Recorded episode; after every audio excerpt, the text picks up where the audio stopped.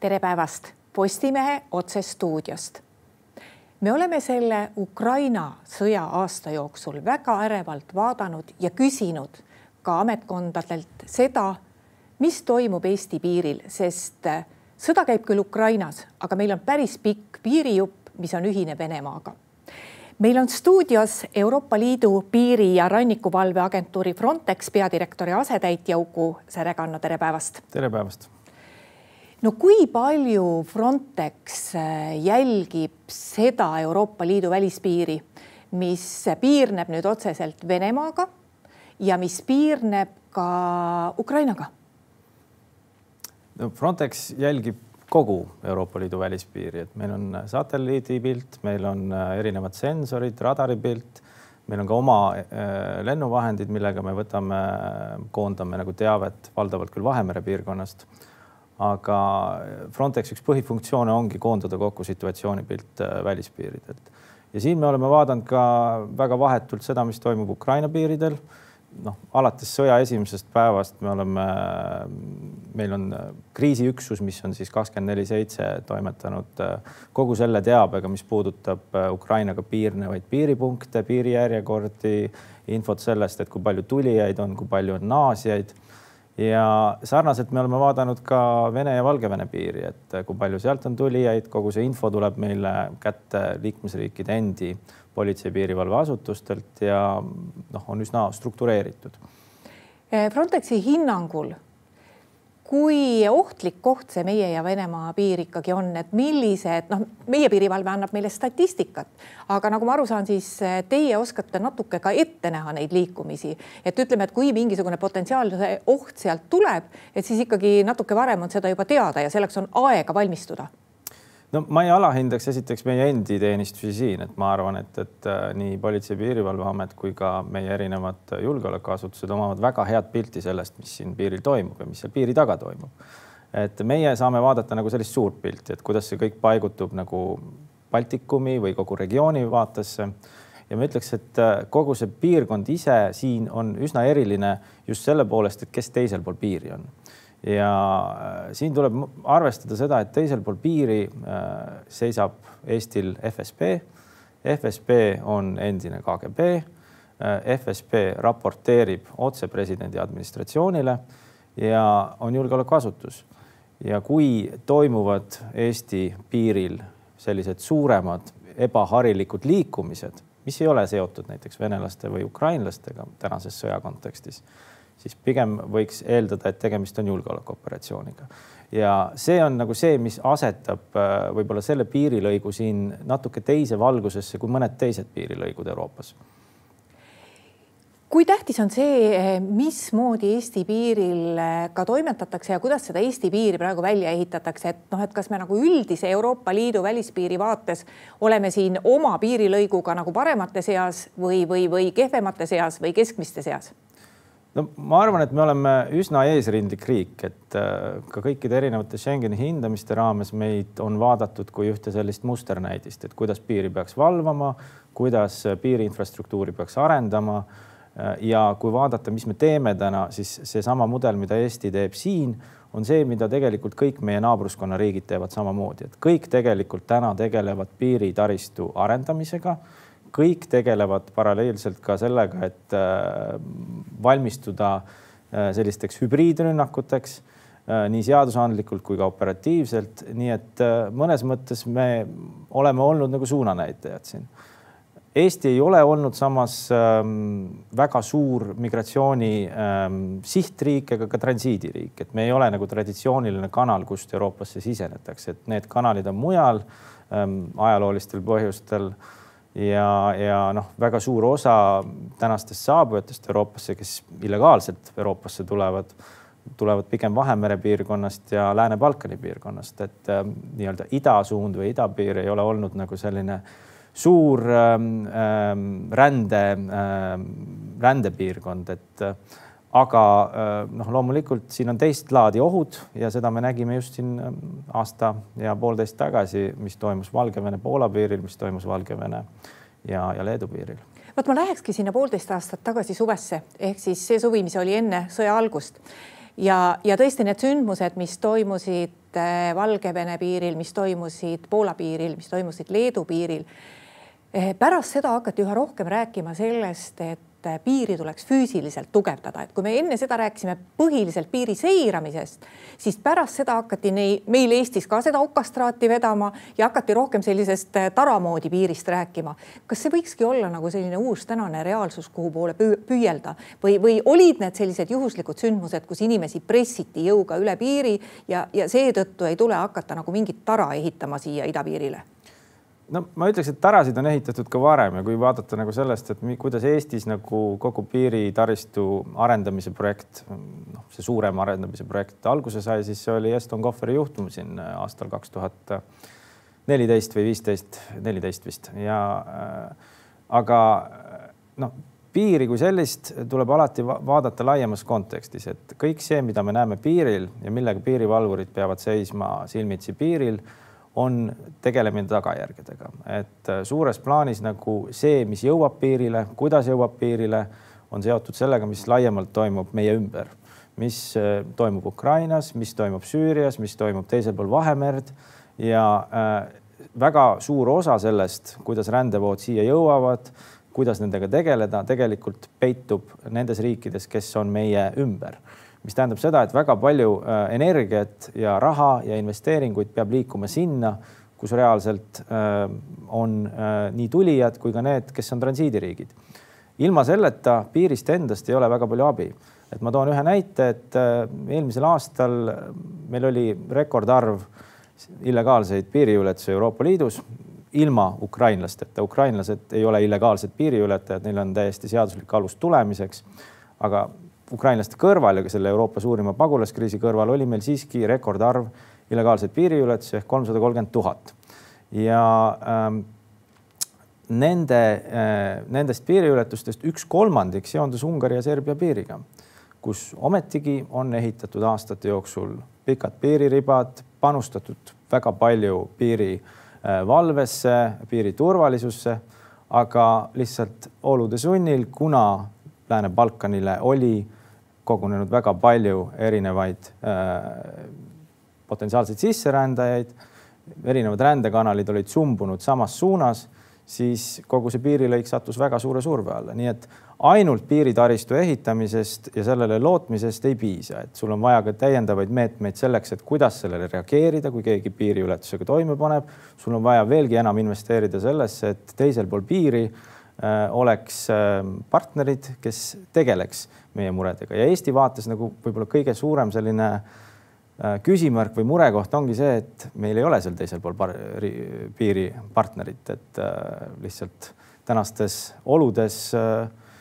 pigem on tegemist väga suure julgeolekuriskiga kui palju ebaseaduslikke piiriületajaid annab juurde praegu Venemaa ajal, kui algas Ukraina sõda? Ja kui Vene, ma isegi ei mõtle, et nad tulevad kurjade kavatsustega, aga ma pigem pean silmas neid venelasi, kes äh, sõja tõttu võib-olla Euroopa Liidu viisat enam nii lihtsalt ei saa kui vanasti ja kes äh, otsustavad siis ka igal juhul Venemaalt ära tulla ja, ja panustavad siis sellele ebaseaduslikule piiriületusele, et kas seal see on nii märkimisväärselt suur, et see, sellest võiks mingi probleem tekkida hetkel ma võin öelda, et ei ole märkimisväärset nagu survet näha kuskil rohelisel piiril äh, illegaalsete piiriületuste osas Venemaalt, et äh, ja, ja ka üleüldine piiriületuste number äh, maismaapiiril Baltikumis, Soomes on, on üsna madal, et äh, võrreldes siin aasta taguse perioodiga, me täna räägime kuskil kahekümne viiest tuhandest piiriületusest nädalas Baltikum ja, ja, ja, ja Soome äh, kokkuvõttes ja, ja Norra ka. et äh, see ei ole väga märkimisväärne number, et äh, ja see number läks alla ka äh, peale seda, kui koordineeritult siin Balti riigid, Poola ja hiljem ka Soome väga selgelt tõmbasid kokku äh, nagu selle turismiga seonduva äh, liiklemise ja andsid väga selged alused, et äh, ainult teatud väga sellistel kitsastel juhtudel on võimalik üldse Schengenisse siseneda ja, ja valdavalt need olid kas perekondlikud põhjused või siis ähm, ma ei tea, inimesed, kellel on elamisluba või, või, või on äh, kinnisvara siin, et et see tõmbas nagu märkimisväärselt selle piiriületuse äh, arvu nagu alla. aga teine element on ka see, et, et ikkagi tulen tagasi, et selle juurde, et kes teist piiri valvab ja kas neil on motivatsiooni teisel pool piiri äh, tekitada olukorda, et äh, siia liiguks rohkem inimesi äh, või mitte. võimalik, et hetkel seda motivatsiooni ei ole. ja kolmas element, millele on viidanud ka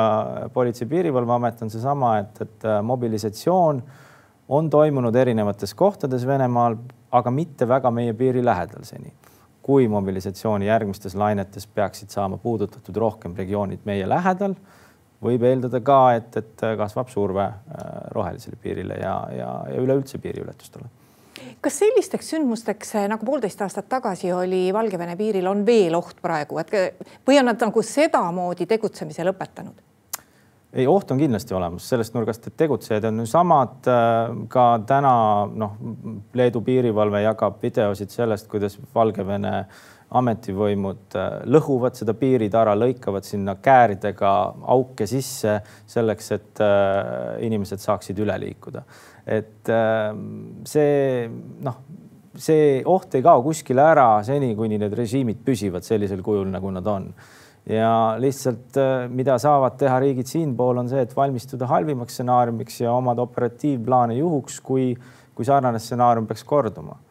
Hetkel, kui me vaatame piiriületusi, vaatame piiril toimuvat, siis ei ole midagi otseselt alarmeerivat, aga, aga, aga noh, seda, seda riski ei saa ära võtta ja seda ei tasu alahinnata kui palju nendel riikidel on lootust saada, ütleme sellist relvastatud abi piiri peale siis, kui tõesti mingi selline intsident on juba käes või ütleme, et teie luureandmed näitavad, et see on tulekul, et kas Frontex on sõja tõttu pidanud oma jõudusid ka suurendama? Frontex kasvab nii ehk naa, ilma selle sõjata on meie eesmärgiks kasvada kuni kümne tuhande ohvitserini, keda me saame siis paigutada erinevatesse Euroopa piirilõikudesse jah, need äh, inimesed õpetatakse välja, jah, neil on ka relvad ja jah, nad kannivad, kannavad ka, ka, ka vormi. et sellest nurgast see on üsna uus äh, selline lähenemine Euroopa Liidu poolt, kus on loodud nagu eraldi jõustruktuur. mida nagu tuleb arvestada selle juures on see, et me ei tegutse iseseisvalt, et me ei lähe kuskile piirilõiku iseseisvalt, vaid me läheme alati ühe või teise liikmesriigi palvel ja juhtimisel, et seda äh, mida meie ohvitserid teevad ühes või teises piirilõigus, juhib see liikmesriik, kes meid vastu võtab sest vastasel juhul tekiksid küsimused suverääniteedist ja üleüldse kogu operatiivtegevuse koordineetsioonist ja koordineerimisest. aga jah, me oleme nagu selline täiendav võimekus, mida on võimalik kasutada. Ehm, noh, profiile on erinevaid, on dokumendispetsialistid, on samuti tehnikaga tegelevad inimesed, helikopterijuhid, ehm, laevad on inimesed, kes, keda me saame saata patrullidesse, et oleneb, mis on liikmesriigi vajadused. loomulikult see nii-öelda äh, ressursside arv ei ole lõputu ja, ja piiramatu. Äh, noh, täna on meil kuskil sel nädalal väljas kaks tuhat kakssada äh, inimest erinevatel operatsioonidel ja kokku on meil käimas kaheksateist operatsiooni kõikvõimalikel piirilõikudel, nii maal, merel kui ka meil on äh, siis õhuvahendid, mis opereerivad äh, näiteks Inglise kanali kohal või, või, või Vahemere keskosas ja, ja Egeuse merel. No me oleme natukene võib-olla siin Eestis äh, tähelepanuta jätnud, kuna see sõda on nii oluline ja see on nii lähedal meile, siis me ei ole nagu vaadanud nii tähelepanelikult, mis Euroopa Liidu välispiiridel tervikuna toimub, aga fakt on ju see, et Süüria sõda ei ole lõppenud ja, ja kuidas on olukord seal lõuna pool, kuidas on olukord Vahemerel praegu, kui palju nende probleemidega tuleb tegeleda? Ja kas nemad on jätkuvalt ikkagi see kanal, kust tuleb väga palju ebaseaduslikke piiriületusi? jah, see peamine kanal ei ole väga muutunud ajas, et äh, eelmine aasta oli hästi raske. Äh,, hästi raske, ma arvan, kõikidele erinevatele julgeolekuasutustele üle Euroopa, et äh, noh, esiteks tegemist oli kõige suurema pagulaskriisiga alates teisest maailmasõjast Äh, ja, ja noh, kogu nende miljonite inimestega tegelemine võttis väga palju ressursse liikmesriikidelt, aga sellega saadi hakkama. Äh, ja loodetavasti noh, ka see, et ajutise kaitse direktiivi rakendati, lahendas väga-väga suure hulga probleeme, kaasa arvatud poliitilisi probleeme. Illegaalne ränne kasvas paralleelselt, see ei ole seotud Ukrainaga, see on seotud tavapäraste traditsiooniliste migratsioonikanalitega. Äh, illegaalne ränne kasvas kuskil viiskümmend kuus protsenti võrreldes varasema aastaga kõik on muidugi suhteline, see on kõige suurem arv illegaalseid sisenemisi, mis me oleme näinud siin alates kahe tuhande viieteistkümnendast, kuueteistkümnendast aastast, kui oli meil suur migratsioonikriis. Aga kui ma näiteks mainisin neid numbreid eelmisel nädalal USA siseministrile, kellega ma kohtusin Rzešovis, siis ähm, tema ütles, et USA-Mehhiko piiril ainuüksi on üks koma kolm miljonit illegaalset piiriületust äh, aastas nii et eks see kõik nagu on nagu vaatepunkti koht, et kui palju ja kuidas, aga me näeme, et numbrid kasvavad ja äh, see aasta kindlasti ei saa olema lihtsam, et äh, Ukraina, äh, Vene sõda Ukrainas jätkub. Ei ole näha kiireid lahendusi. inimeste liikumine Ukrainast Euroopasse jätkub mingi stabiliseerumine on toimunud, aga noh, viimastel kuudel me oleme ka näinud, et lahkujaid on rohkem kui, kui, kui naasjaid Ukrainasse ja paralleelselt nüüd üle-eelmisel nädalal äh, maavärin Türgi ja, ja Süüria piirkonnas, piirkonnas, kus on noh, vahetult sellest maavärinast mõjutatud viisteist miljonit inimest ja kümme regiooni, kus on väga suur hulk põgenikke, siis äh, noh, arusaadavalt ka see omab mingit mõju äh, tulevastele voogudele. nii et see põgenikelaine võib veel tulla? arvata on, et noh, et me ei näe täna neid numbreid äh, praktikas sellepärast, et on liiga vara ja noh, kui rääkida ka päästemeeskondadega, kes selles piirkonnas toimetasid, siis noh, neil oli väga raske sinna ligi pääseda, füüsiliselt võib eeldada ka seda, et sealt on väga raske lahkuda hetkel ja inimestel noh, see on väga vaene piirkond ka, et inimestel ressursid on piiratud, aga noh, varem või hiljem võib eeldada, et sealt need vood tulevad. Kreeka valitsus on ka juba teinud äh, teateid, et nad on, on väga mures selle olukorra pärast. Äh, nii et noh, seda kindlasti ei tasu alahinnata, ei tasu alahinnata ka Ukraina sõja laiemat mõju, et äh, Ukraina ja Venemaa on ühed suuremad sellised teravilja eksportijad, äh, ühtlasi ka väetiseturul väga domineerivat rolli omavad ja sellest on sõltuvuses väga suur hulk Lähis-Ida ja Põhja-Aafrika riike. ja ka seal me näeme, et, et potentsiaal, et äh, tulijate arv kasvab tingituna just selle sõja kaudsetest mõjudest on väga suur no Euroopa Liit ebaseaduslikud tulijad siiski valdavalt tahaks tagasi saata, kuidas see õnnestub? enamuse puhul ikkagi tuleb see otsus tõenäoliselt see, et sa ei saa riiki jääda otsuseid on lihtne teha, et öö, äh, otsuseid öö, äh, ellu viia on märksa keerulisem, et äh, ja seda on kõik siseministrid ka jätkuvalt rõhutanud. Frontex sel aastal kavatseb investeerida enam kui sada miljonit inimeste tagasisaatmisse. eelmisel aastal me saatsime tagasi kuskil kakskümmend viis tuhat inimest, noh, puhtalt Frontexi toel liikmesriigid tegid ka oma töö, mis on oluliselt suurem. aga siiski peab ütlema, et see suhe tagasisaatmise otsuste ja reaalselt ellu viidud otsuste vahel on äh,, ei ole väga muljetavaldav, et äh, kui me räägime siin aastast kaks tuhat kakskümmend üks, millest on viimased numbrid, et siis toona oli kuskil kolmsada kuuskümmend või kaheksakümmend tuhat äh, otsust, tagasisaatmise otsust, millest siis suudeti ellu viia kuskil kaheksakümmend tuhat, et et see näitab nagu reaalselt, et, et on väga suured käärid nagu selles osas, et kes on tulnud ja kui palju suudetakse koju tagasi saata. noh, see on ka selline asi, mis nõuab nagu aega, pühendumist ja väga suurt koostööd riikidega, kuhu inimesi saadetakse, et on kindlasti piirkonnad, kuhu ei ole võimalik kedagi saata, et võtame näiteks Afganistani või võtame ka näiteks Süüria, noh, ei ole hetkel mõeldav, et, et me sinna kedagi saadaksime. aga on teised riigid, kellega nagu noh, puhtpoliitiliselt peab tegema koostööd ja, ja siin tulevad mängu mitmed nagu välispoliitilised elemendid, kaasa arvatud arenguabi, kaasa arvatud äh, erinevad viisaküsimused ja kõik muu aga, aga jah, see sõltub väga palju ka poliitilisest äh, suhtlusest kolmandate riikidega. kui palju on võimalik pärssida nende organisatsioonide tegevust, kes tegelikult vahendavad seda illegaalset immigratsiooni, sest äh, neid inimesi on illegaalselt ikkagi tänu sellele hästi palju, et kellelegi on see äri ja keegi sellega tegeleb, lihtsalt üksipäini kott seljas Euroopa Liidu poole marssima hakates sa ei jõua eriti mitte kuskile nii on. Ja äh, meie hinnangul kuskil üheksakümmend protsenti illegaalsetest tulijatest Euroopasse on, on äh, seda teinud kellegi ühe või teise kuritegeliku organisatsiooni toel, et äh, jah, selle, see on äri, mis kasvab, et sest seal, seal on nõudlust, aga see on ka äri, mida reaalselt või, või noh, kuritegevus, mida saab ohjata ainult koostöös partnerriikidega ja, ja, ja naaberriikidega. Ja siin tuleb nagu noh, vaadata seda, et, et, et kuidas me saame nüüd hakkama nagu oma naabritega vahetult. ma ütleks, et see koostöö on nagu aasta-aastalt paranenud ja ka koostöö Vahemere piirkonnas nii-öelda üle, üle, üle, üle äh, mere olijatega. aga, aga pikk maa on minna ja mis on nagu selline ohutendents, äh, mida ma ise näen, on see, et äh, seesama kaasus siin Valgevene ja, ja Poola ja Valgevene